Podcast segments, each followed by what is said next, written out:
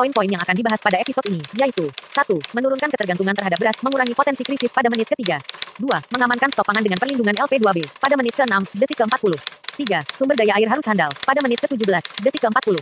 4. Pengembangan pangan alternatif yang lebih hemat air pada menit ke-21. 5. Daerah sasaran penurunan konsumsi beras pada menit ke-36, detik ke-35. 6. Daerah sasaran peningkatan produksi beras pada menit ke-40. 7. Prasyarat lokasi perluasan lahan sawah baru pada menit ke-43, detik ke-30. Assalamualaikum warahmatullahi wabarakatuh. Salam jumpa di Bincang SDA bersama saya Hamdan Inami. Bincang SDA adalah e, membahas isu-isu seputar pengelolaan sumber daya air dan juga masalah-masalah turunannya. Sumber daya air itu adalah air, sumber air dan daya air yaitu kalau air itu air secara materinya itu e, air permukaan, air tanah Kemudian sumber air itu terkait dengan konservasi dan daya air adalah terkait dengan uh, pengendalian daya rusak. Kali ini mengambil topik yaitu solusi agar tetap makan nasi.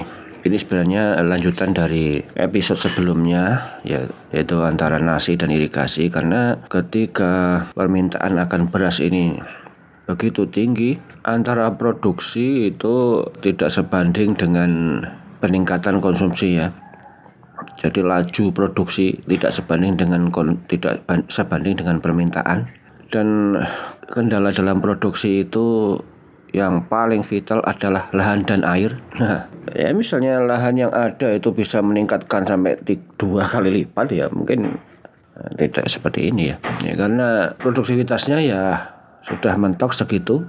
Ya mungkin 5 6 kita masih di 5,1 ya tingkat nasional rata-rata 5,1 ton per hektar rata-rata nasional. Kalau bisa meningkatkan dua kali lipat ya mungkin kebutuhan lahan kita ya tidak se seperti ini sekarang ya. Lahan dan air. Ya. Lahan ini akan banyak perebutan. Lahannya tetap tapi penduduknya bertambah. Ketika penduduk bertambah itu aktivitasnya juga bertambah. Mereka butuh rumah, butuh industri, belum lagi dengan tanaman-tanaman yang lain selain tanaman pangan, perkebunan, seperti itu. Kemudian yang masalah air karena air tersedia eh, tidak bisa sesuai dengan tidak bisa disetel. Tidak bisa sesuai dengan eh, permintaan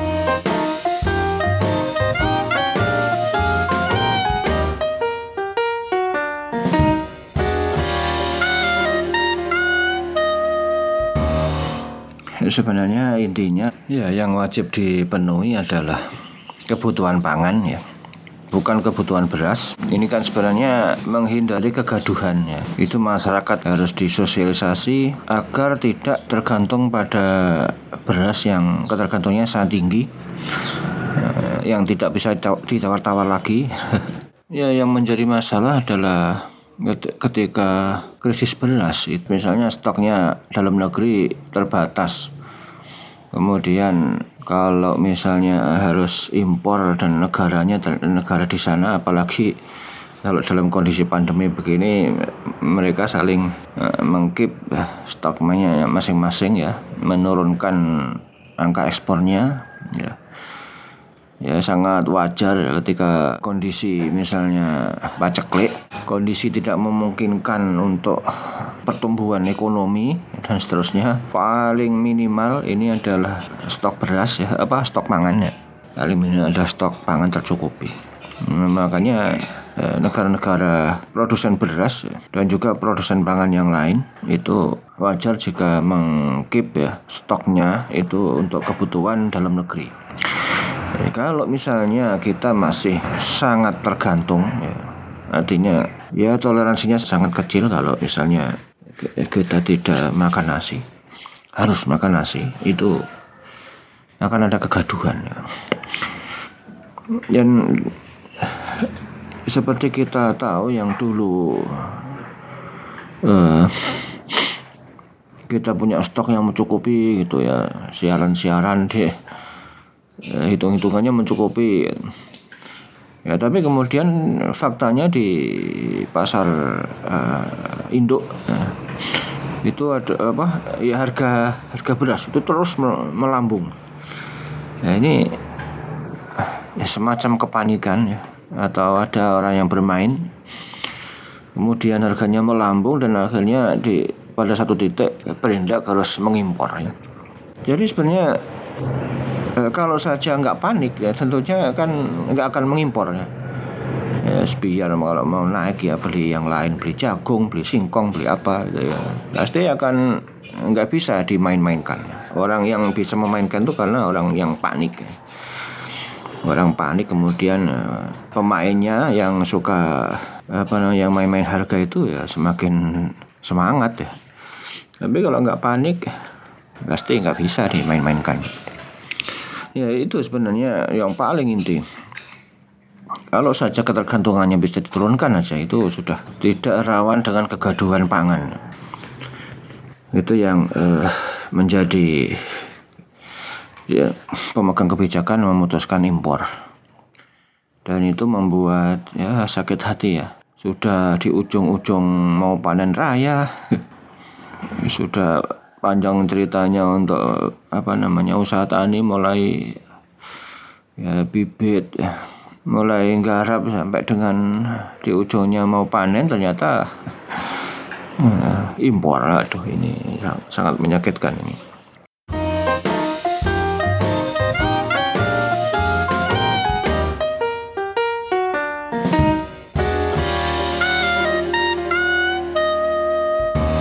Ketika berbicara tentang kecukupan pangan untuk kebutuhan dalam negeri, ada dua eh, langkah mewujudkan itu.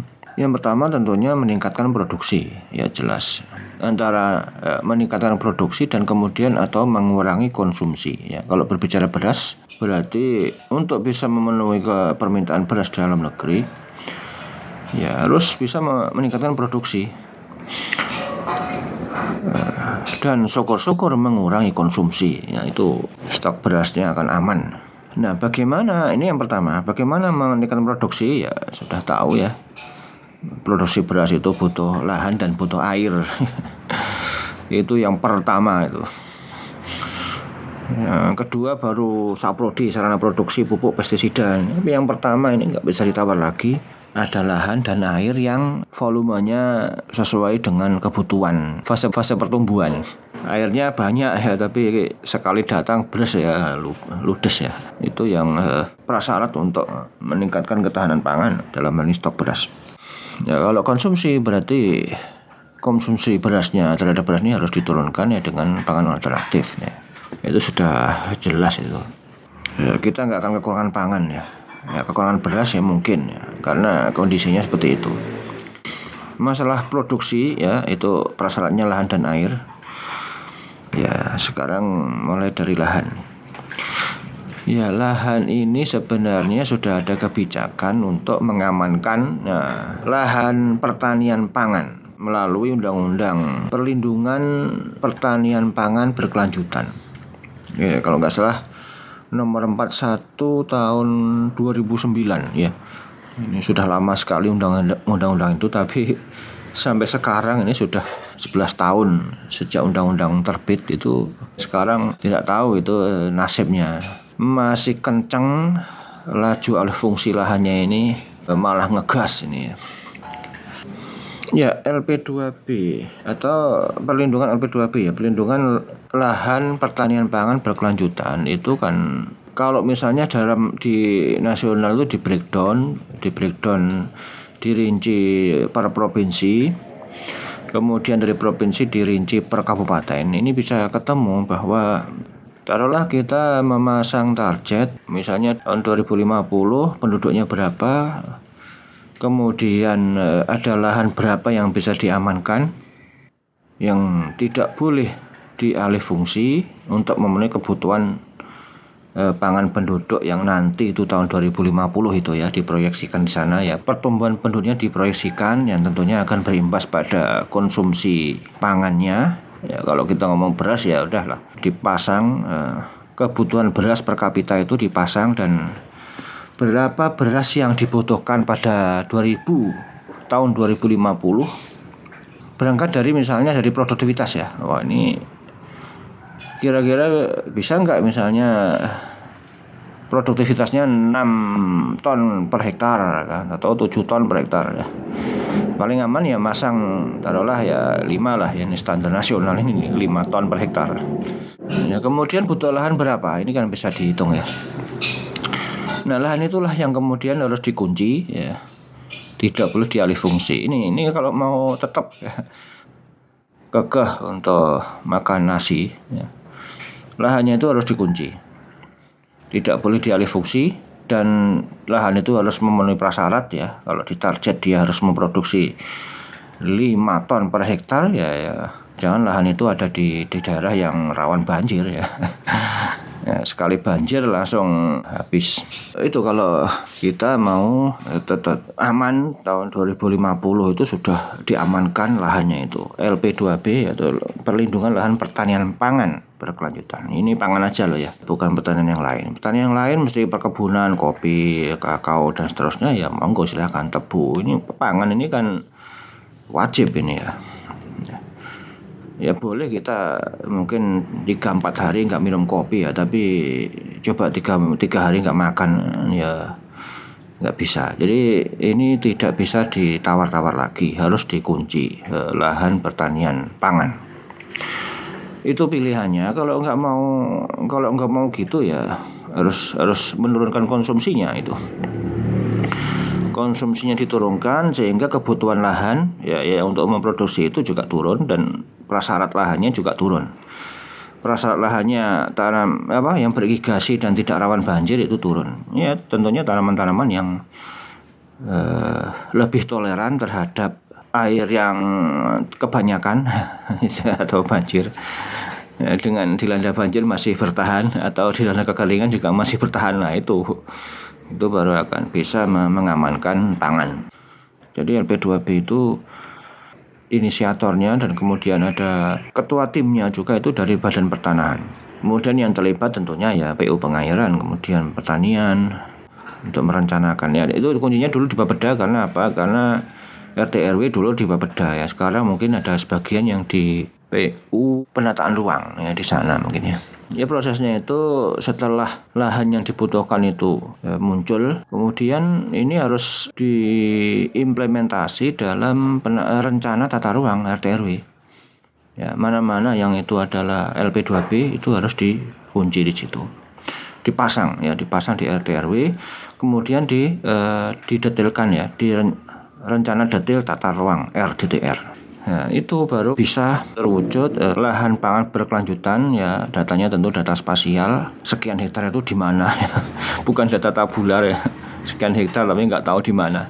Kemudian setelah muncul di RDTR secara berkala juga dievaluasi kira-kira ini eh, apa apakah masih layak? Misalnya ternyata rawan banjir ya tentunya akan pindah. Atau kemudian ada pembangunan irigasi yang baru ya misalnya ya berarti harus ya, dievaluasinya itu. Sepertinya seperti itu kira-kira jadi lahannya pasti yang dibutuhkan itu jelas angkanya dipasang di mana. Nah itu eh, bisa dievaluasi. Yang yang pasti adalah produksi yang diharapkan itu sudah pasti ya. Karena hitung-hitungan eh, konsumsi itu akan secara teknis itu bisa dihitung ya.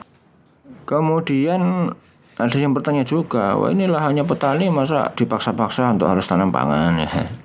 Nah, ini ini adalah tugas eh, sektor pertanian ya kan banyak ya di sektor pertanian itu ada peningkatan produksi apa produksi ini itu ini itu.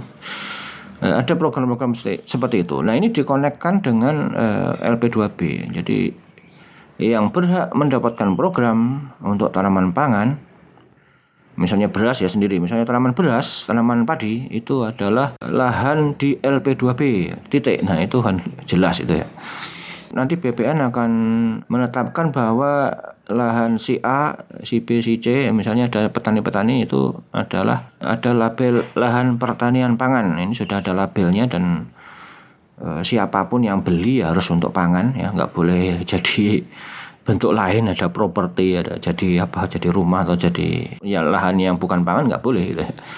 harus pangan tapi ini ada skenario lagi skenario insentif disinsentif itu ada juga di di peraturannya itu. Jadi udah bagus ya sudah sangat layak. Ada skenario insentif dis disinsentif. Insentifnya yang berada di eh, lahan pangan itu yang berhak mendapatkan ya apa pun ya ada bantuan pertanian, bantuan kredit, bantuan benih kan banyak juga dari sektor pertanian tuh. Dinas pertanian itu memberikan benih, memberikan pupuk dan juga misalnya pupuk subsidi atau ya bantuan alsintan, al, al mesin pertanian itu hanya di lahan-lahan pertanian pangan berkelanjutan di LP2B yang sudah ditetapkan. Selain itu enggak, nah itu baru itu bisa, saya pikir bisa logikanya bisa ya. Kalau mereka untung ya, ya tentunya ada pengawalan juga di harga. Ya, di harga juga dikawal sehingga mereka bekerja itu eh, kelihatan untungnya itu dan terus mau diwariskan juga ke anak-anaknya Ya, karena bapaknya sukses ya eh, ada insentif yang diterima. Kemudian tentunya anaknya eh, disekolahkan tinggi ya untuk eh, mengembangkan di di apa di lahan pertanian pertaniannya itu. Ya, dan tentu akan naik juga grade-nya eh, lahan-lahan pertanian itu. Yang terjadi kan eh, diiming-imingi menjadi properti. Ya kalau misalnya semua kebutuhan tercukupi ya kan insya Allah enggak ya yang banyak yang diiming-imingi kemudian akhirnya melepaskan karena terbelit utang gitu ya. Habis gagal panen kemudian harus nebus eh, apa namanya saprodi yang hasil ya pak dulu utang itu hasilnya untuk nutup nggak bisa. Akhirnya terbelit utang atau kemudian kebutuhan anaknya harus sekolah akhirnya tuh ya lepas dan menjadi alih fungsi. Ya, seperti itu. Jadi eh, petani-petani yang berada di lahan LP2B ya, itu yang harus di dikunci ditetapkan eh, ya lahannya yang ditetapkan ya mereka boleh menjual belikan tapi ya, fungsinya tetap eh, sebagai lahan pertanian pangan. Ya itu eh, aspek produksi yang sangat penting. Ya juga tentang agraria juga ya sahabat-sahabat yang mengikuti apa sih itu agraria itu ya. Ya intinya penyediaan lahan ya. Karena kita eh, butuh pangan ya dan pangan itu maunya beras ya. Ya itu maunya begitu ya gimana lagi.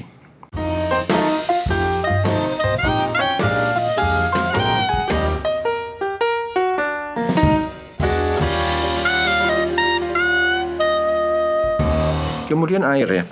Ya air ini kan di episode saya yang pertama eh, yang kedua ya yang kedua itu. Membahas tentang pengelolaan sumber daya air ya ini air ini juga sangat bermasalah ya. Ya karena kondisi das ya. Jadi kalau masih mau tetap makan nasi kondisi das ini harus dipulihkan ya. Hutan-hutan harus di, di recovery kemudian boleh juga di, diperbanyak misalnya eh, waduk atau kalau nggak mau waduk ya ya embung lah ya Ya sebenarnya embung ini kemarin baru saya mengikuti di webinar. Ya taruhlah eh, kita butuh misalnya eh, defisit air eh, misalnya ya misalnya kita butuh 30 juta meter kubik ya misalnya. Ya, kemudian kalau misalnya harus mem, membuat waduk itu yang pertama lokasi ya susah biayanya besar kemudian ini harus pengadaan tanah ya itu sudah biaya besar paling besar sendiri belum lagi problem sosial belum lagi keamanannya. Ya keamanan waduk itu belum lagi nanti distribusinya. Ya misalnya di ujung sana mungkin dapat enggak.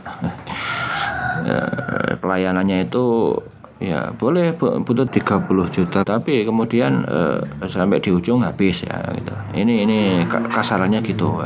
Dihitung-hitung daripada 30 juta lebih baik misalnya 300 ribu meter kubik ya tapi ya 100 biji embung nah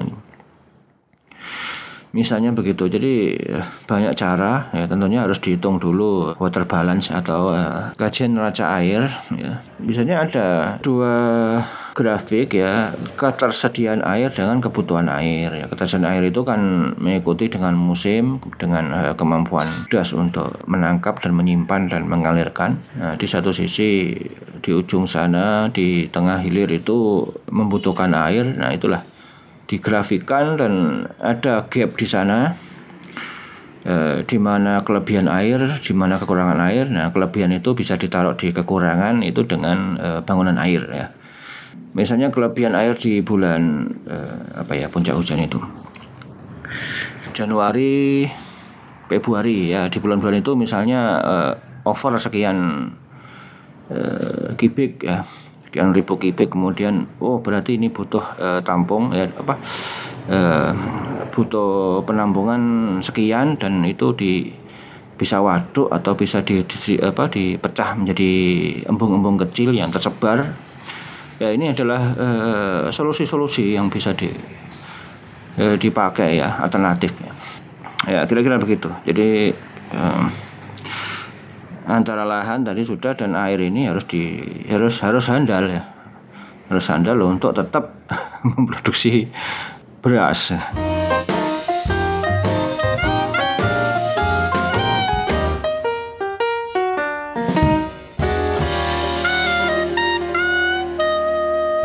Kemudian yang berikutnya mengembangkan eh, komoditi-komoditi pangan yang lebih hemat air ya saya cari beberapa hari.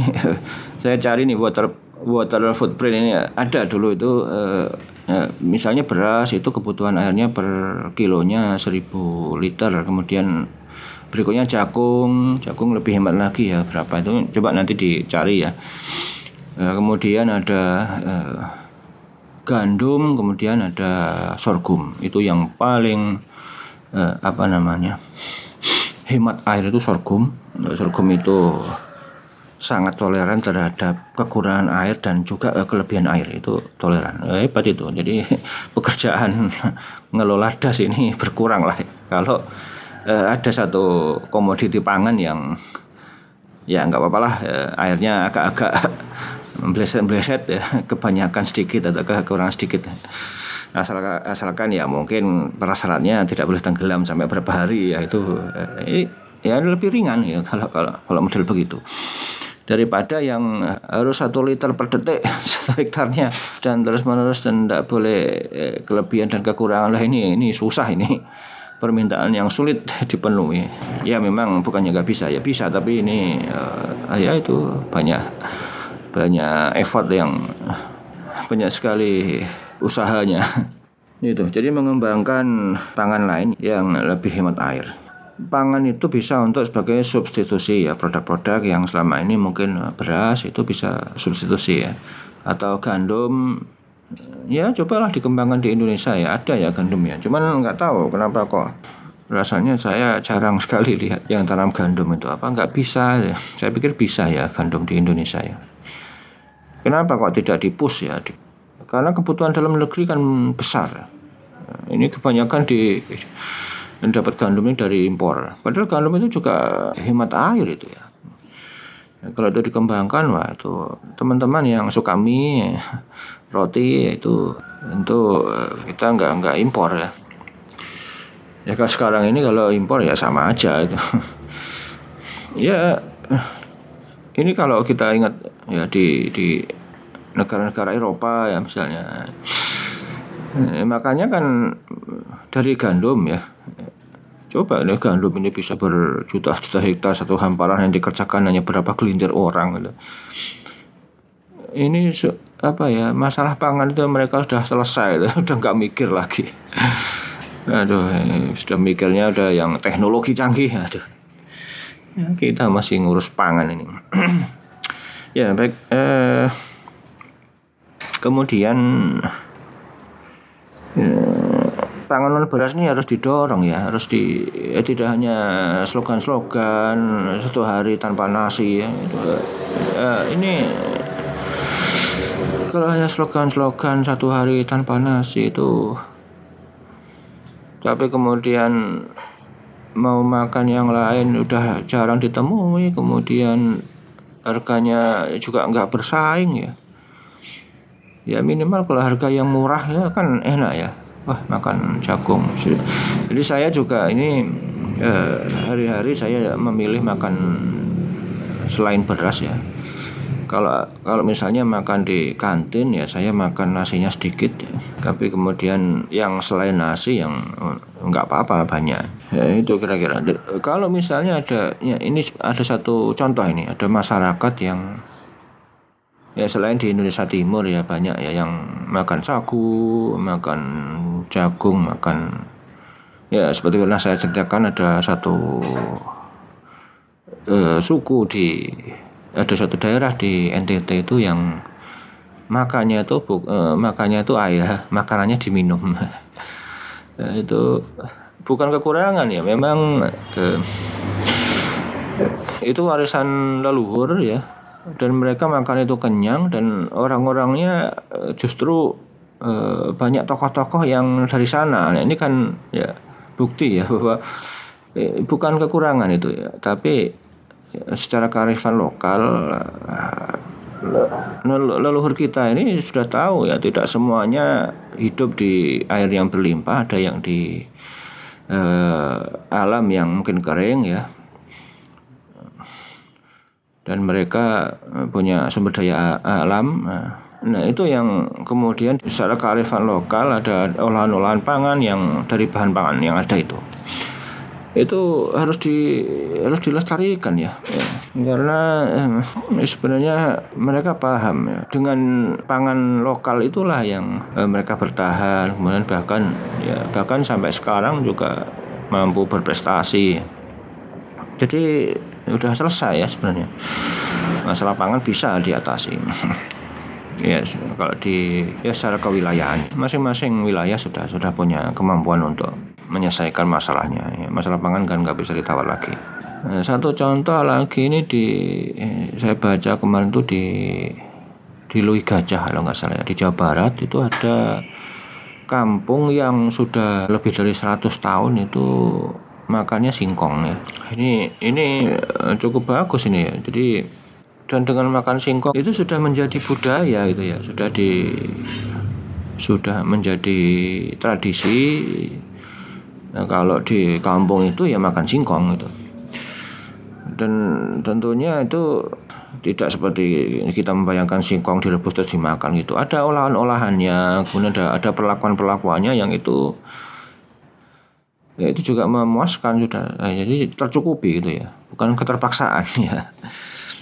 Bahkan ini ini, ini yang saya cukup uh, surprise juga. Bahkan orang sana yang kuliah atau di luar ya misalnya menempuh studi ya di luar di luar kampung itu itu kalau pulang ya mereka membawa bekal itu ya. Jadi meskipun di jalan atau di di di perjalanan ya di luar daerah itu membawa bekal yang hasil olahan dari kampung itu. Nah, ini luar biasa ini.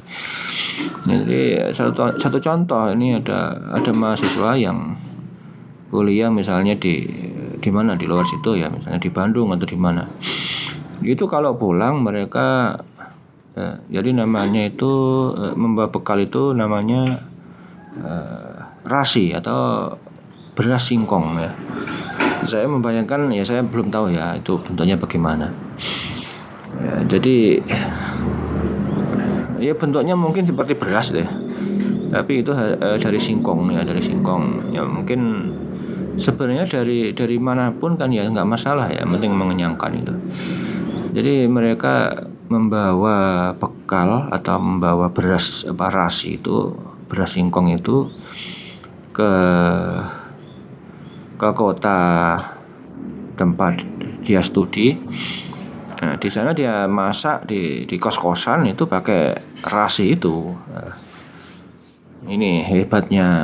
Nah, jadi di, di, di kota Cimahi ya kalau nggak salah ya. Nah, nanti coba browsing browsing ini yang uh, perlu dilestarikan menjadi uh, percontohan bahwa ini loh uh, dengan adanya makan non beras itu tidak mengurangi apa pun ya.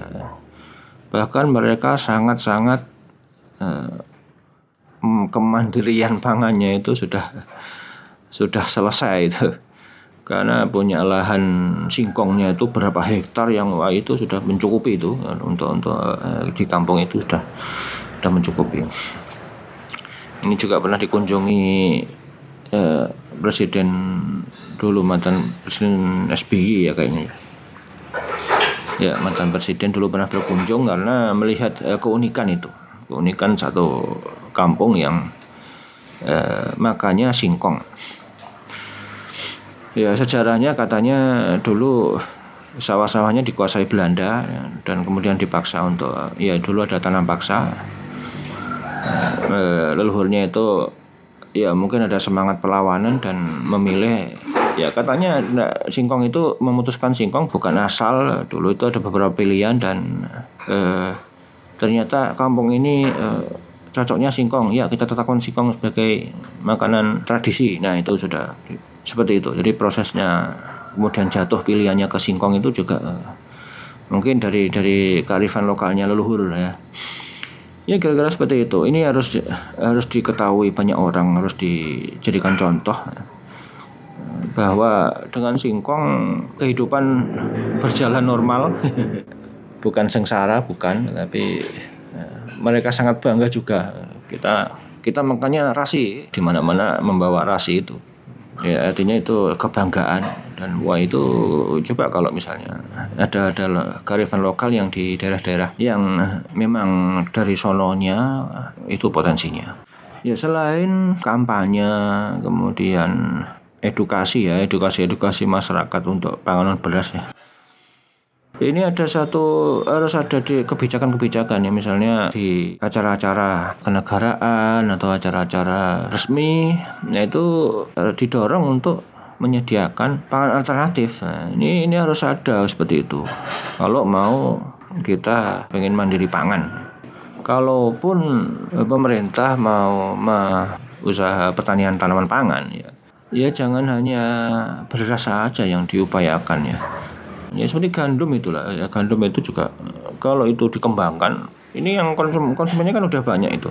Ada kita sudah mengenal roti orang juga eh, oke okay, makan roti ya. Cuma kadang-kadang memang makan roti belum makan. Tapi kalau makan mie kayaknya sudah ya sudah banyak yang ya siang makan mie mie aja. Ya saya juga kalau keluar itu uh, udahlah nggak usah makan nasi lagi ya. Uh, di rumah udah kita ini udah udah makan nasi ini sehari tiga kali dan sudah bertahun-tahun. Nah itu uh, coba kalau ada pilihan lain pastilah kita akan memilih itu. Ya. Lama-lama juga uh, puasin juga ya. Itu didorong untuk menyediakan eh, ada aturan untuk menyediakan pangan non beras ya di banyak kesempatan. Eh, apalagi kalau misalnya orang tua-tua ya caranya misalnya para pensiunan misalnya ya. Coba kalau disediakan nasi jagung ya pasti mereka akan pilih itu. Ya kebanyakan kita kan banyak diabetes ya.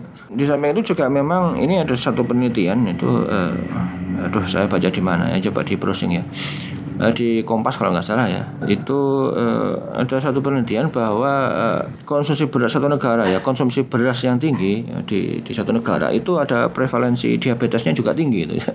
ada korelasinya itu nah ini juga uh, didorong juga dengan isu kesehatan ya. Bukan hanya isu-isu ketahanan pangan isu ketersediaan pangan isu tentang perubahan iklim. Tapi kesehatan ini ini biasanya kan kalau udah udah isu kesehatan orang waduh udah ampun udah ini ini nggak bisa dianggap enteng ini.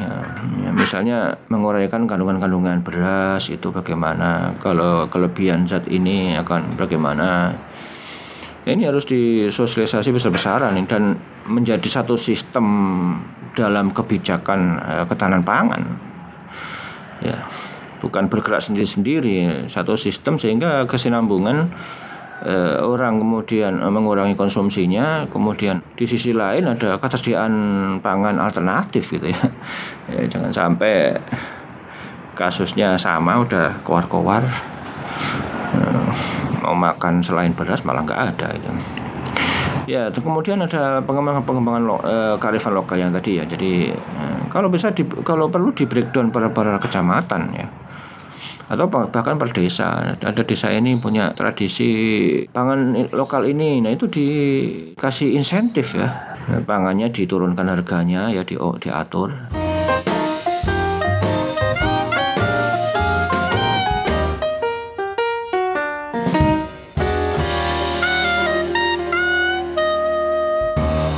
mau prioritas daerah? Ya prioritas daerah.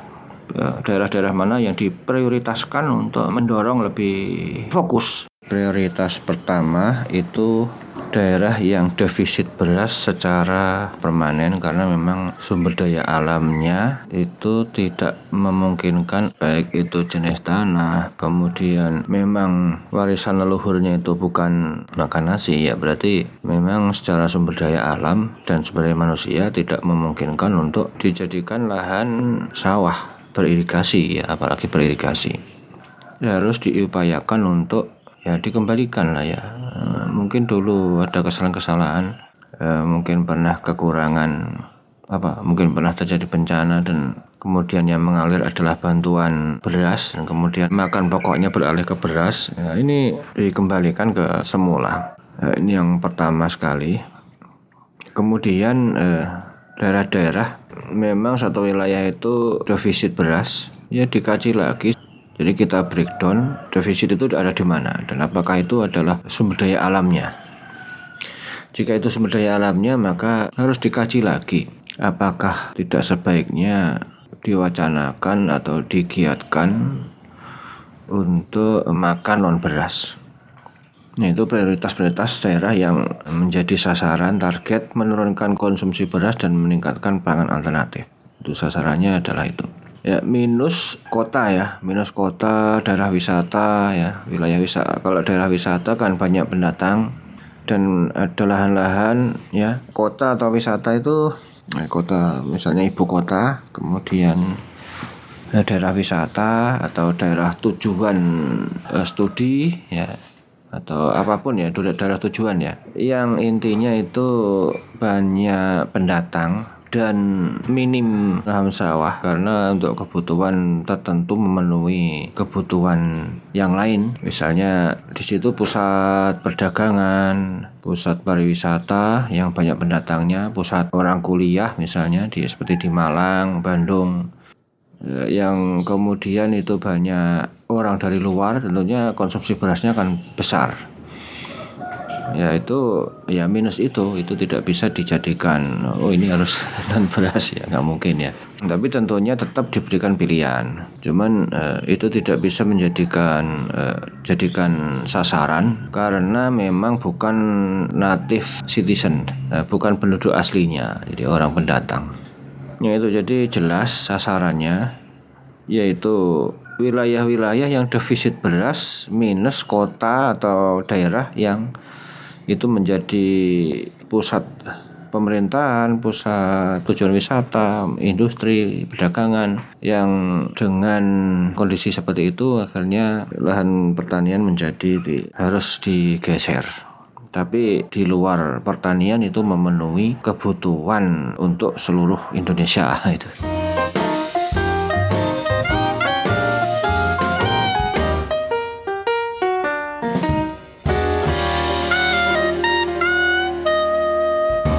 Yang berikutnya ini ini tadi menurunkan konsumsi beras. Nah, kemudian untuk menaikkan produksi.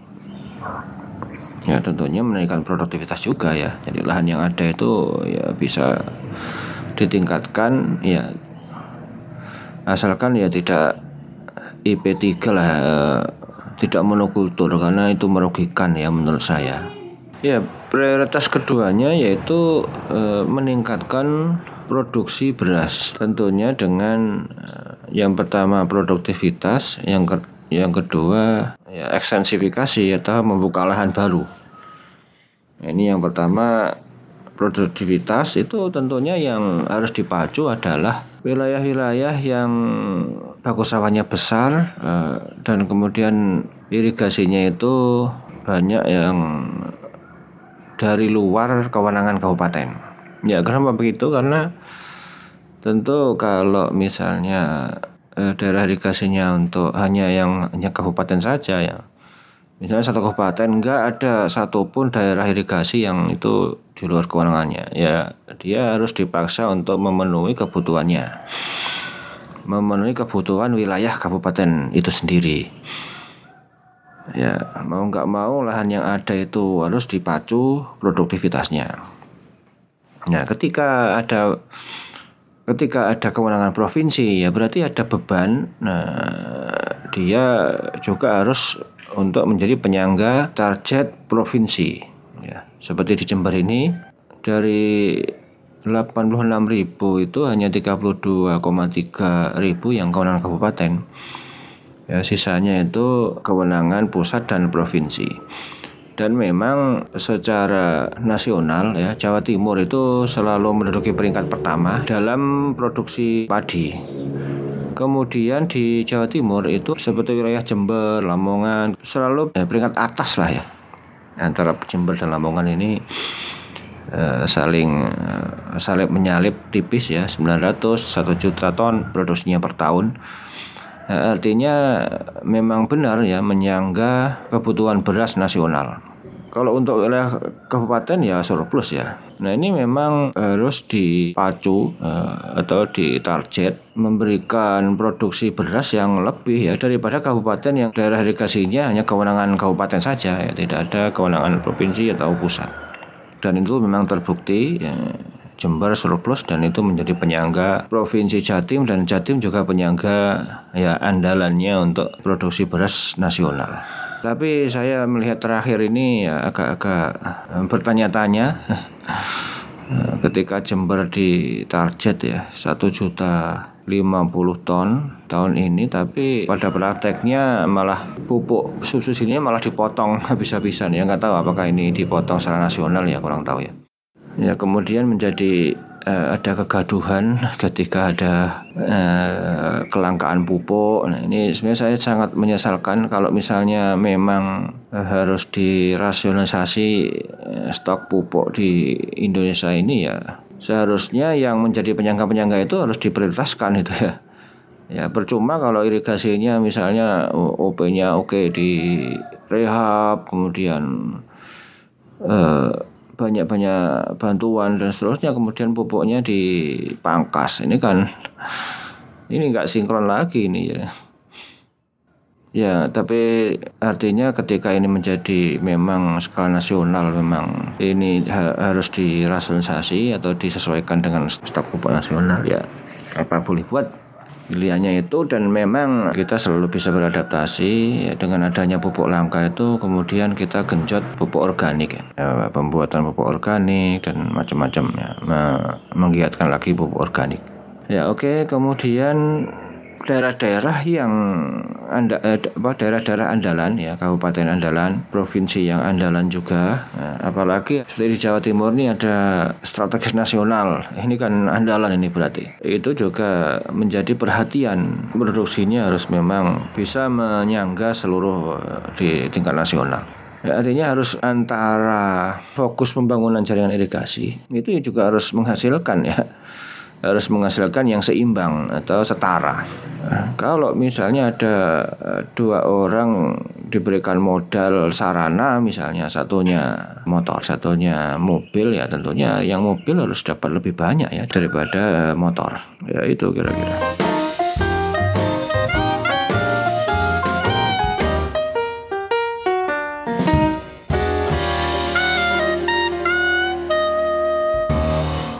Berikutnya produksi selain meningkatkan produktivitas ya kita bebankan atau kita tugaskan pada daerah-daerah yang memang itu eh, menjadi sasaran utama peningkatan produksi. Berikutnya adalah membuka lahan ya. Jadi eh, memang sedang digenjot pembukaan sawah 2007-2008 itu banyak target perluasan sawah ya. Mungkin dulu kayaknya kaitannya dengan program surplus 10 juta ton.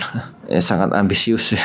Nah, itu ceritanya ya ini sedikit mereview ya. Ada beberapa penyimpangan-penyimpangan yang harus menjadi pelajaran kita semua bahwa membuka lahan ini tidak gampang-gampang ya. Menambah nominalnya jumlahnya 5.000, 10.000 ya, kemudian masalah selesai ya tidak gampang seperti itu.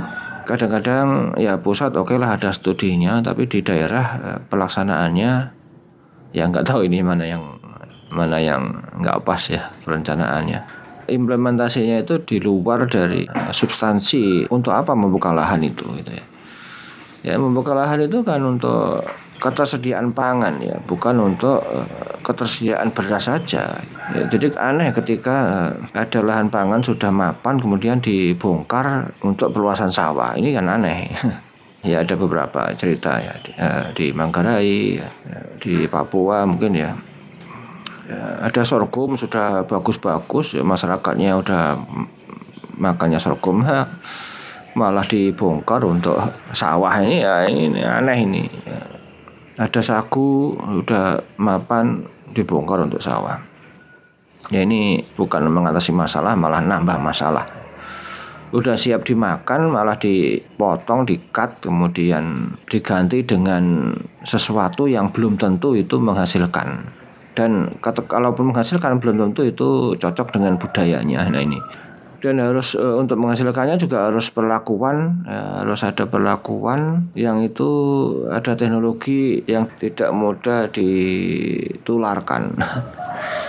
Itu bukan mengatasi masalah ya, tapi malah membuat masalah. Ya ada beberapa hal yang perlu diperhatikan dalam membuka lahan. Ya ini ini yang mudah-mudahan menjadi wacana. Kalau memang disetujui. Iya yang pertama membuka lahan itu tentu bukan membuka kebun bukan membuka lahan kering. Dari alang-alang ya, atau lahan tidur menjadi lahan kering. Menjadi lahan yang eh, ya bisa ditanami usaha tanim. Ya bukan hanya lahan pertanian tapi ini khusus untuk lahan sawah. Ya, yang pertama dulu waktu rame-rame surplus 10 juta ton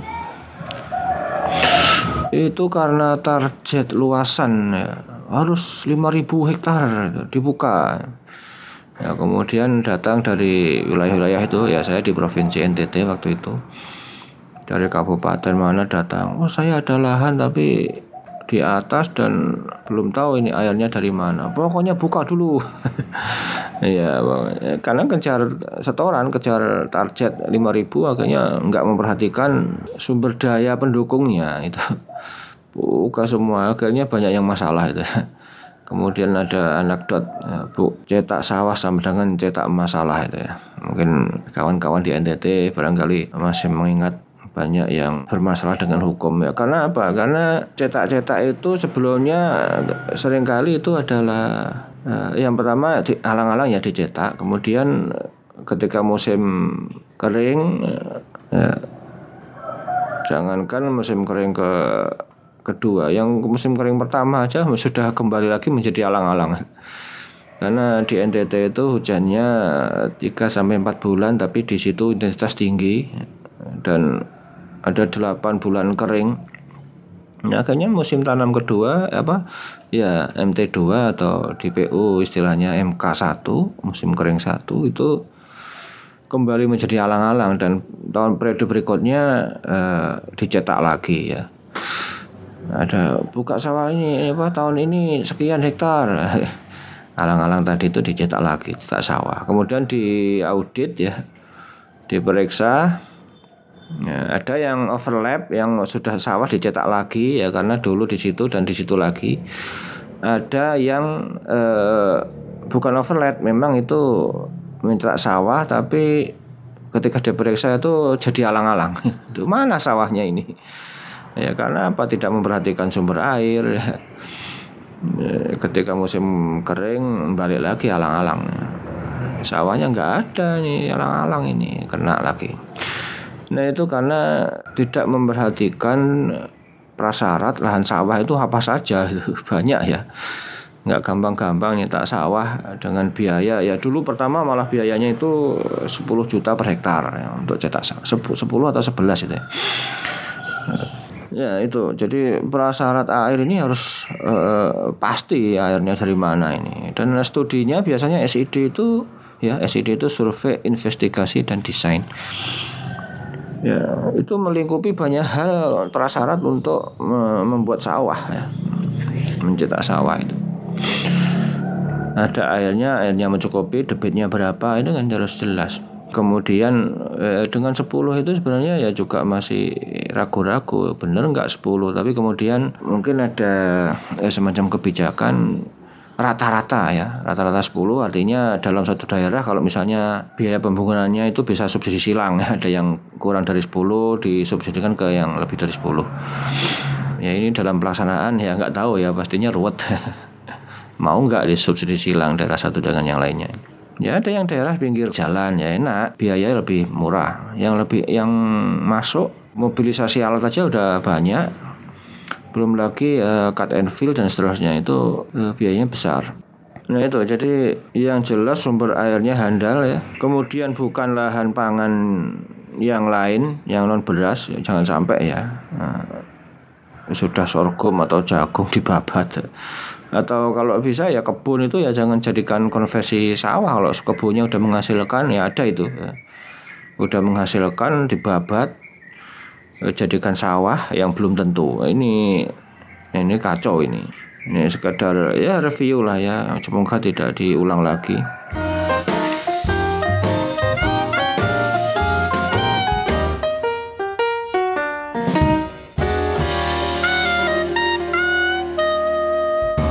Kemudian yang terakhir ini ya agak-agak sulit ya. Masyarakat petaninya ini harus siap. Ini artinya semakin kecil peluang atau kriterianya itu membuat tidak gampang-gampang membuat uh, cetak sawah itu ini yang terakhir ini masyarakatnya siap. Ini dalam artian masyarakatnya itu memang lahan basah ya tradisinya tradisi lahan basah. Ya, cuman karena jaringannya tidak ada yang biasanya tak ada hujan nah itu bisa dibangun. Dan mereka ketika tradisi sudah lahan basah ya dibangun jaringan ya langsung connect ya tapi ketika yang terjadi ada lahan kering ya, memang ada ada potensi air dengan rekayasa. Air itu bisa dibendung atau waduk ya, disurvei sekian puluh hektar atau sekian ratus hektar atau bahkan ribuan hektar.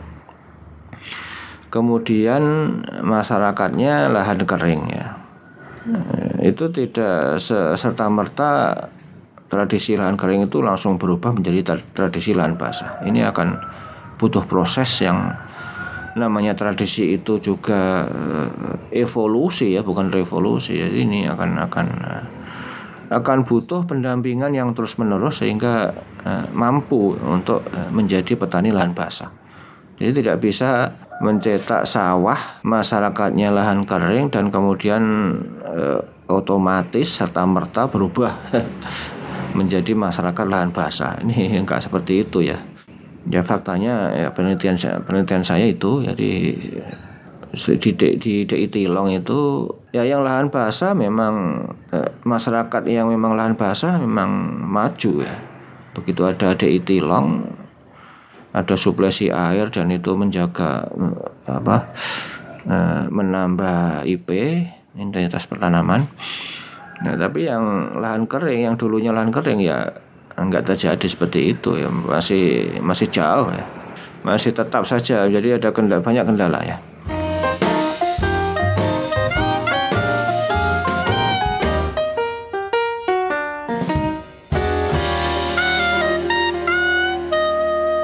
Ya, jadi itu kira-kira yang bisa saya sampaikan.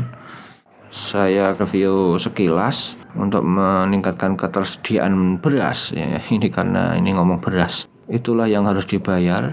Harus bisa meningkatkan produksi uh, kemudian ketika lahannya dan airnya itu sudah mentok terbatas ya harus dipaksa untuk meningkatkan produktivitas. Berikutnya kalau misalnya ingin memiliki ketahanan pangan ya harus menurunkan konsumsi ya dengan pangan alternatif yang lain. Ya, dengan demikian yang pertama memang konsumsi menurun, yang kedua diharapkan masyarakat itu tidak tidak tergantung yang sangat tinggi dengan beras ya. Ketika ada ya taruhlah krisis pangan dan itu krisis dunia ya, atau ketegangan dengan pihak pengimpor beras misalnya ya. Itu kemudian tidak menjadi kegaduhan yang itu sampai chaos ya itu masyarakat sudah terdidik sudah uh, sangat toleran dengan oh nggak ada beras kemudian makan nasi jagung. Eh enak masih nasi jagung ya. Ya jangan sampai ini dikonotasikan nasi jagung itu masyarakat yang rendah ya. Masyarakat yang ini lebih sehat ya. Jagung ada gulanya apa gulanya juga gula jagung supaya nggak diabetes kan begitu ya atau gandum ya kalau mau meningkatkan gandum ya, orang bule itu nggak mikir lagi pangan ya mikir yang lebih urgent yang teknologi canggih ya. Karena pangan selesai karena gandum itu bisa diatasi hanya satu dua orang aja beribu-ribu hektar